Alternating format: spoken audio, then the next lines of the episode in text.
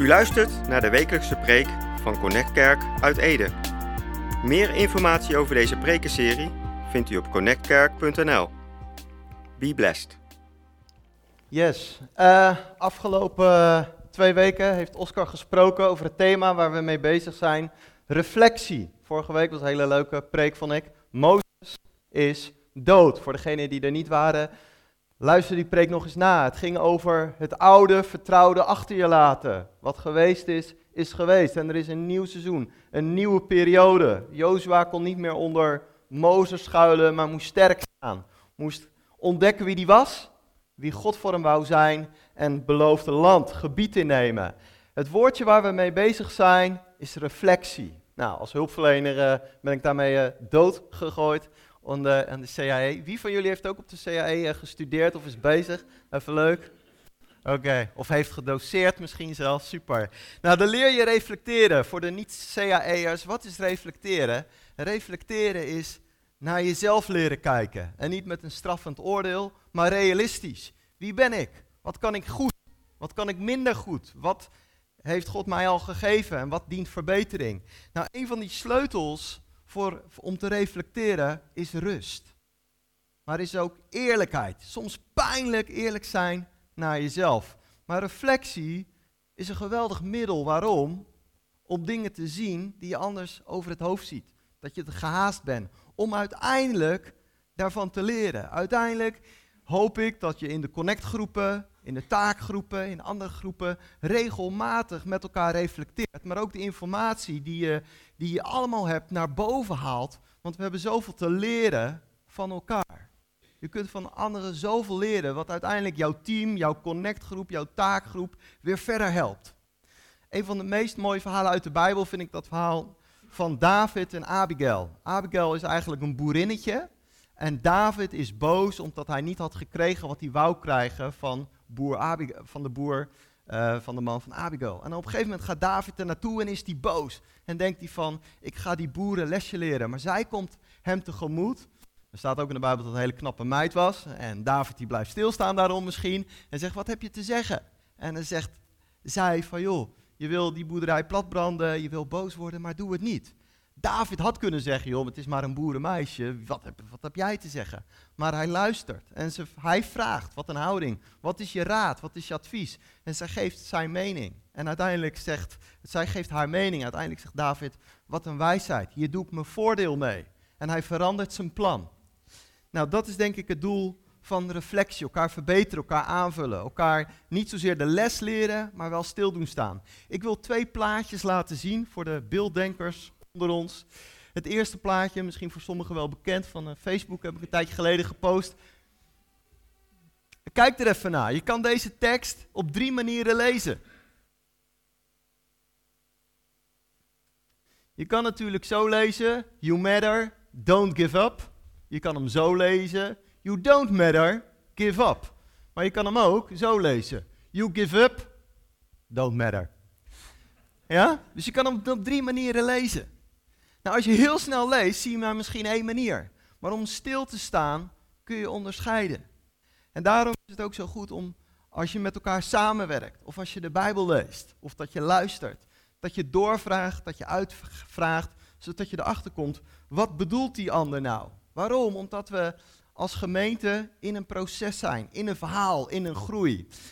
Volgende plaatje.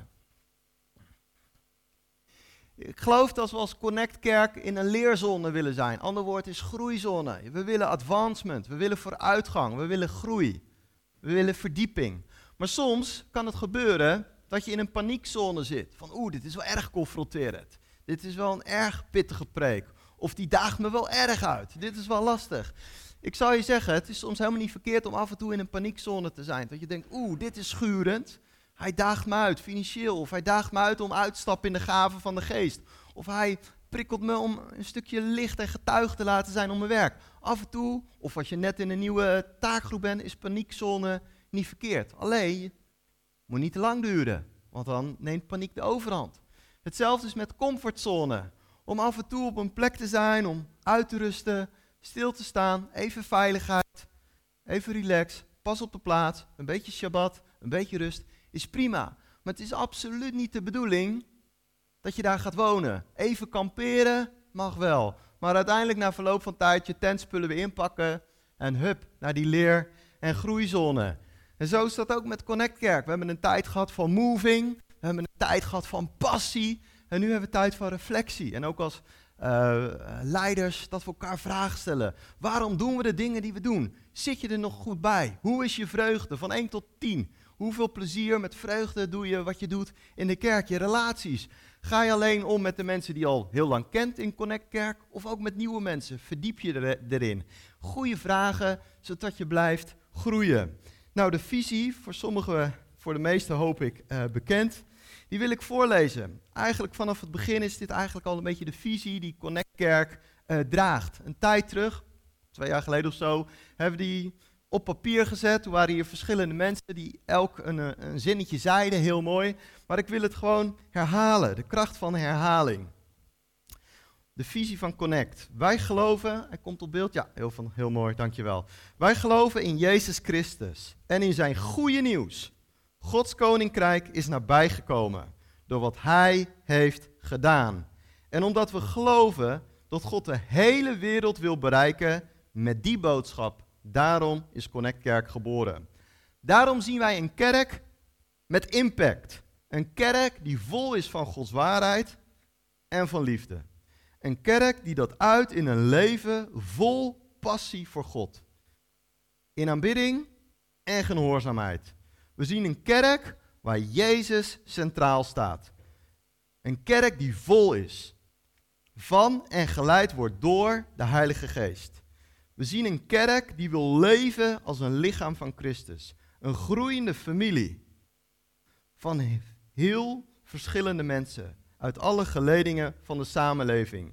Wij zien een gezond gezin dat elkaar toerust, zodat Jezus zichtbaar kan worden door alle mensen op een eigen unieke manier. Wij zien een kerk die gedreven wordt door de liefde en bewogenheid voor de wereld waar God zo van houdt. We zien een kerk die impact heeft in de samenleving en daar het verschil wil maken door op creatieve manieren Gods liefde te laten zien. Wij zien mensen die zich bekeren. Discipelen die discipelen maken. Kerken die kerken planten. Gezinnen, bedrijven en buurten en steden die veranderd worden door de kracht van God. We zien Gods koninkrijk steeds meer zichtbaar worden in Nederland door mensen die Jezus willen volgen boven alles. En, en bij alles zien wij op Jezus, het beeld van de onzichtbare God, de leidsman en de voleinder van het geloof. Nou, hele mooie visie, fantastisch. En soms zie je dat misschien heel erg terugkomen, een bepaald onderwerp, het woordje passie hebben we het over gehad, leven in waarheid, in vrijheid we het over gehad. En ik hoop dat je dit niet als een soort betonnen last op je voelt, van oeh, dat is de visie, benauwd harnas. Nee, ik, wij, vind ik Oscar altijd zegt, het is niet in beton gegoten, het is een leidraad, het is een kader, het is een stippellijn, een rode draad, waar we onszelf in mogen meten, in de spiegel kijken. Nou, een aantal dingen vallen op en jij zal waarschijnlijk wel andere dingen belichten dan ik belicht. Maar bekeerlingen, hartstikke mooi, tijdje geleden gedoopt, zondag weer een doopdienst. Maar ook discipelen maken. Alles wat we doen is uiteindelijk zodat jouw unieke bestemming, met jouw fantastische pak van karakter, talenten, vaardigheden, dingen die je hebt ontdekt in God, meer en meer tot groei komen, zodat dat impact heeft op jouw omgeving. Ik kom niet op de plek waar jij komt. Ja, jij hebt een bepaalde werkcirkel, een bepaalde leefcirkel, waar jij, denk ik, al een licht en een zout bent. Dat je daar al het verschil maakt. Dat je daar al Gods glimlach, Gods vreugde laat zien. En dat is fantastisch. We hebben elkaar daarin nodig om elkaar enthousiast te houden.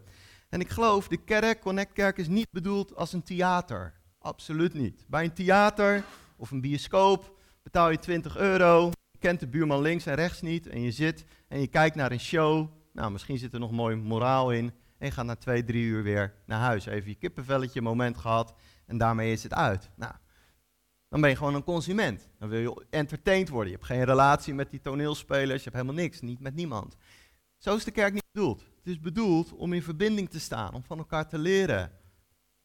om te genieten. En de een is al langer op weg met God dan, dan de ander. Daarin is er niet dat een beter is, maar wel verder, al in ontwikkeling. En daarvan van elkaar leren. Wat ik zo mooi vind is één tekst, staat in Marcus 3, vers 14. Een hele bekende tekst die ik al twintig jaar, een stukje live tekst uh, heb. En dan zegt Jezus, of over Jezus, hij stelde er twaalf aan, opdat zij met hem zouden zijn. Opdat hij hen zou uitzenden om te prediken. Andere vertaling zegt, twaalf waren het er, die hij aanstelde, die hij apostelen noemde. Zij zouden hem vergezellen. Hen zou hij erop uitsturen om het goede nieuws bekend te maken. Nou, hier zie je twee elementen van het koninkrijk. Twee elementen van jouw verhaal met God. Vergezellen en uitzenden. Het is niet een of de ander. Het zijn twee benen waar je op mag lopen, maar op mag bewegen. Het eerste is dat woordje uitzenden. Hij noemt in een vertaling het woordje apostel. Apostel betekent in het Grieks, was eigenlijk een woord die um, Jezus van de Romeinen jatte, die de Hebreeuwse context niet kende. En het betekent uitzenden naar een nieuwe cultuur om daar transformatie te beweeg, uh, teweeg te brengen. Even een heel gek voorbeeld. Ik hou van het land Slovenië. Um, kleine broertje van Kroatië. Dat moet je vooral daar niet zeggen, want dan krijg je, krijg weer oorlog. Maar Slovenië, laat staan dat die gasten zeggen: jongens, we vinden het lastig en moeilijk. Nederland gaat zo goed allemaal met jullie. Nou, valt ook wel mee. We willen bij jullie horen. En er komt een contract met de, met de president van Slovenië en Rutte en de koning erbij. Slovenië wordt van Nederland. Dan moet er een plan komen. Hoe gaat Slovenië bij ons horen? Wie kan je daarin gebruiken? Ga je Roglic, die wielrenner, als gebruiken? Hoe ga je dat aanpakken? Misschien dat we een paar scholen daarheen gaan, want ja, die gasten moeten Nederlands leren. Onze grote bedrijven, Philips en nog meer, moeten daarheen. Waarom? Je, wil de cultuur veranderen. Uh, ze moeten behalve Nederlands leren ook Nederlands leren rijden, Nederlandse verkeersregels, Nederlands wetsysteem. We sturen onze rechters en onze advocaten. Waarom? Om van binnenuit die cultuur te veranderen. Misschien nodig je een paar hele belangrijke personen vanuit Slovenië naar Nederland. Om een relatie, verbinding te bouwen. Waarom? Om uiteindelijk die cultuur te veranderen. Snap je wel? En als Jezus zegt, zoals in de hemel, zo ook op aarde. Jezus leefde in de hemel zag daar vrede, zag daar gezondheid, zag daar warmte, zag daar eer, zag daar aanbidding, zag daar 100% goedheid van God. En zei de vader van, joh, wat jij geproefd hebt als troetelkind van de hemel, zo zend ik jou, niet alleen voor vergeving van zonde, maar ik zend jou om mensen bij je te trekken die dat element van de hemel, de sfeer, de cultuur, DNA van de hemel gaan verspreiden. En als Jezus dan zegt van zoals in de hemel, zo ook op aarde. Dat was transformatie. En daarom het woordje apostel, om het te veranderen. En zo heb jij een andere missie, een ander doel in jouw leven dan ik. Dat is maar goed ook. En andersom ook. Om uiteindelijk een licht en een zout en een verandering te zijn. Maar dan zegt Jezus daarvoor van, behalve dat koninkrijk van God uitademen, in je huwelijk, in je gezin, in je buurt, is het heel belangrijk om het koninkrijk, de wereld van God, in te ademen. Hoe kun je alleen maar uitademen als je niet inademt? Dat is misschien een beetje lastig. Dat we als christenen elkaar een beetje opfokken om vooral veel uit te ademen, zonder in te ademen.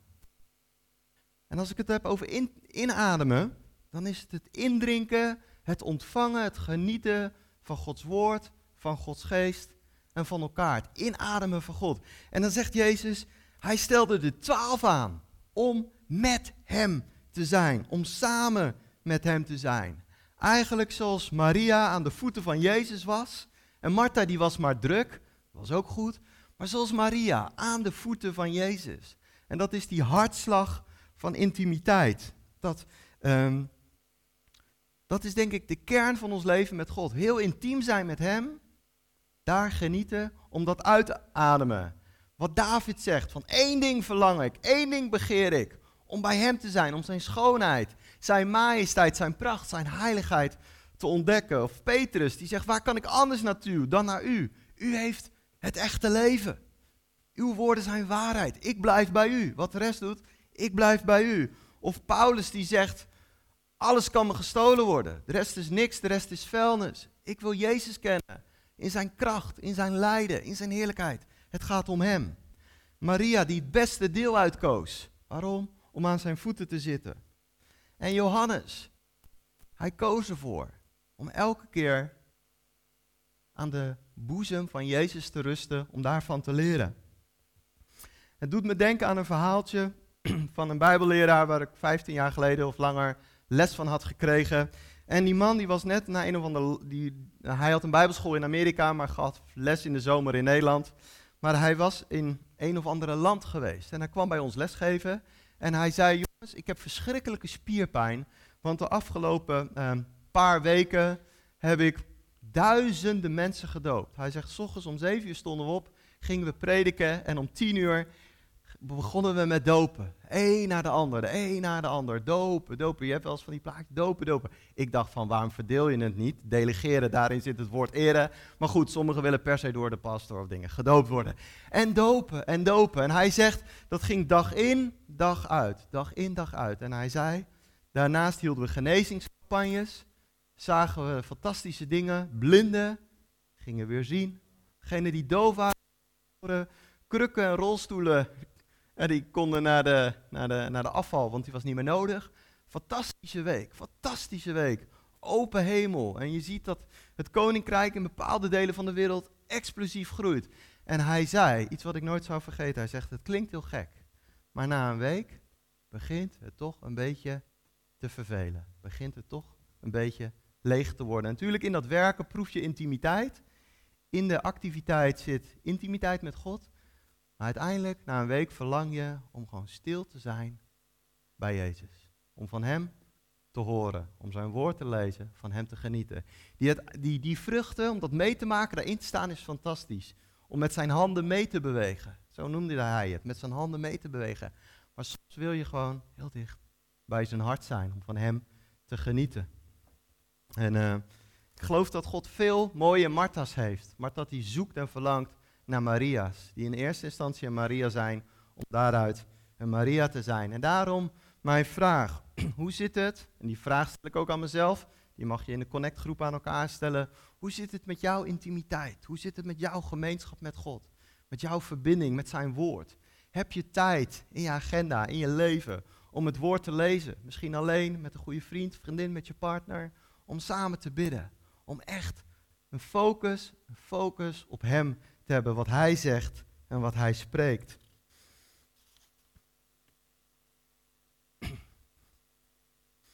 En het gaat om ontmoeting met Jezus. Het gaat, met, het gaat om openbaring van Hem. En dat is niet alleen in je verstand, het gaat ook om, om je geest. We zijn geest, ziel en lichaam. Heel apart verhaaltje nog. Um, een tijdje geleden, ik was gewoon thuis en ik had een uh, conferentie aangezet van een gebedshuis maar die diensten duurden daar vijf uur. Dus ik dacht, ik, scroll een beetje verder. En ondertussen was ik mijn huis een beetje aan het opruimen. Had speelgoed van de kinderen wat overal lag. Je kent dat wel. Dus, uh, dus ik had hem verder gescrolld. Maar ik wist helemaal niet waar die dienst over ging. Maar wat zo grappig was, er waren allemaal Chinese geluiden en Chinese liedjes. En ik denk, het lijkt wel een wokrestaurant of zo wat ik heb aangezet. Dan denk ik straks bami en uh, sambal erbij. Wat is dat? Maar goed, uh, dat ging zo aan. En ik denk, wat is dit joh? En dat ging zo verder. Maar op een gegeven moment, mijn verstand snapte er helemaal niks van. Mijn verstand zat bij de babi en de lumpia. Maar in mijn geest, in mijn hart met God gebeurde er iets. En op een gegeven moment moest ik gewoon keihard huilen. En mijn verstand, wat doe je, wat doe je, ik snap het niet. Keihard huilen. En ik voelde de warmte, de, de liefde, het branden van God in me. Op een gegeven moment begon ik gewoon tien minuten te bidden voor van alles en nog wat. Ik denk, wat, wat is dit? Toen ging en ik dacht, dit is gewoon de Heilige Geest die connectie maakt met, met mijn geest en de Heilige Geest. En er groeit iets, er gebeurt iets. En later scrolde ik even terug van wie zijn die gasten. En het was een heel simpel koortje van een paar Chinezen. Maar ze vertelden dat het was een koor uit China, wat uh, eigenlijk allemaal familieleden had uh, uh, ja, gemist vanwege vervolging en verdrukking. De ene vrouw vertelde twee zonen geloofden in God en zijn doodgemarteld. Mijn man heb ik al tien jaar niet gezien. Maar ondanks alles, ik geloof in God. Ik hou van hem. Kwam iemand anders die zegt, mijn man is um, zoveel keer geslagen, is nu mank, is blind. Ze hebben zijn oren doorgeprikt, ze hebben zijn tong half uitgesneden. Waarom? Omdat hij van Jezus houdt. Maar ze zegt, ik wil tegen de hele wereld zeggen, er is een realiteit verder dan dit. En God is goed en God is blijvend. Zo de een naar de ander. Vertelde een verhaal van joh, ehm, ik heb mijn kinderen al jaren niet meer gezien. Mijn opa, mijn oma, mijn familieleden. Ik weet niet waar ze zijn. ik weet niet of ze leven. Maar ik weet, als ze hier in leven zijn, zijn ze met God. En anders zijn ze boven met God. De een naar de ander. Toen gingen ze dat lied zingen van wij blijven bij Jezus. Wij blijven trouw. We weten dat Hij goed is en dat er een hemel wacht. Er zat zoveel passie in.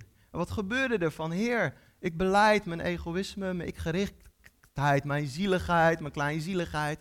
Ik wil opofferend gezindheid. Ik wil toewijding. Ik wil die extra stap gaan. En dat is dat verkeer vanuit de Heilige Geest. Misschien ken je het, misschien nog niet. Misschien heb je heel veel vragen. Bij de livebuilding, bij de Connect groep kan je daar meer over, over weten. Zo mooi. Tot slot een laatste tekst. En dat gaat over Hooglied. Hooglied is een fantastisch brief over intimiteit tussen man en vrouw, maar ook over intimiteit tussen God en zijn volk Israël, maar ook over ons, de heidenen. En dan staat er in vers 2, uh, eh, komt, ja, is eigenlijk een gebed van dat jonge meisje. Hij kussen mij met de kussen van zijn mond. Andere vertaling zegt, laat hij mij kussen met de kussen van zijn mond. En het woordje kussen is in het Hebreeuws nashach. En dat heeft eigenlijk twee betekenissen. De eerste betekening van nashach is, ehm, ik plak me vast aan die ander. Ik plak me vast. Nou, als je een beelddenker bent, zie je dat letterlijk. Mm, oh, ik zit vast. Weet je, ik, ik plak me vast aan die ander. Intimiteit, genegenheid, liefkozing, bevestiging. En ze zegt van, ik wil vastgeplakt worden aan u, Jezus, aan de hemelse bruidegom. En ehm, de, de Joden zeggen over deze tekst, hij kussen mij met de kussen van zijn Torah, met zijn woord, met zijn schrift. Zo vastgeplakt aan zijn woord. Een andere, andere betekenis van het woordje nashach heeft te maken met oorlogsvoering. Het heeft, als een soldaat de oorlog ingaat, krijgt hij een bepakking mee met geweren en eh, weet ik het wat hij allemaal krijgt. Dat wordt ook het woordje nashach gebruikt. Dat is uh, toerusting, aankleding voor de strijd. Nou, wat mooi. Als jij intiem bent met God, is daar aan de ene kant die liefkozing. Hij is goed. Hij is voor me. Hij waardeert mij, keurt me goed. Hij geeft zijn vrede aan mij. Dus aan de ene kant is daar die intimiteit. Maar daar blijft het niet bij. Ook die andere kant van Nashach. En dat is, ik maak je klaar voor de strijd. Ik maak je klaar om het beloofde, wat God aan jou heeft beloofd, voor jouw huwelijk, voor jouw gezin, voor jouw kinderen, om dat in bezit te nemen. Dat is dat, uh, dat strijden. Laatste tekst, en dat staat in Efeze 1, vers 17. En het is eigenlijk een gebed. Uh, er staat, opdat de God van onze Heer Jezus Christus, de Vader van heerlijkheid, u geven de geest van wijsheid, de geest van openbaring, om Hem recht te kennen en verlichte ogen van het verstand. Jij bent geroepen niet in de eerste plaats om mee te bouwen aan de visie. Jij bent in de eerste plaats geroepen om een vertrouweling te zijn, om intiem te zijn met God. En daaruit mag je de dingen gaan doen. En ik wil afsluiten met een moment van stilte.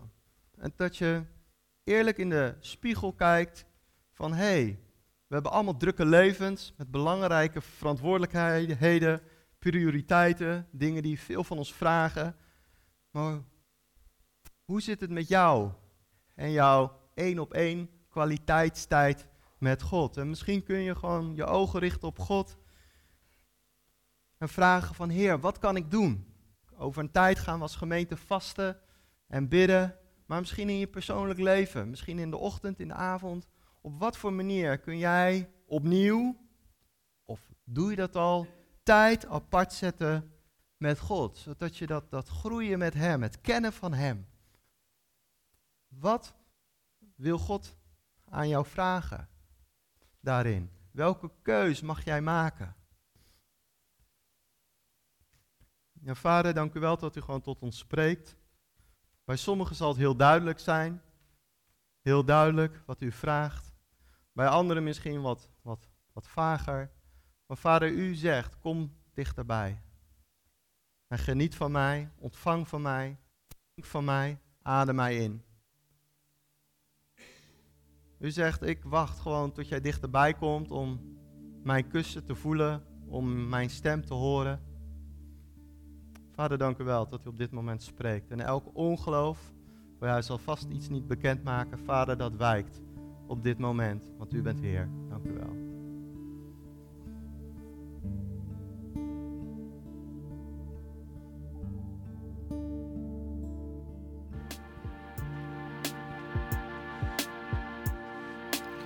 U luisterde naar de wekelijkse preek van Connect Kerk uit Ede.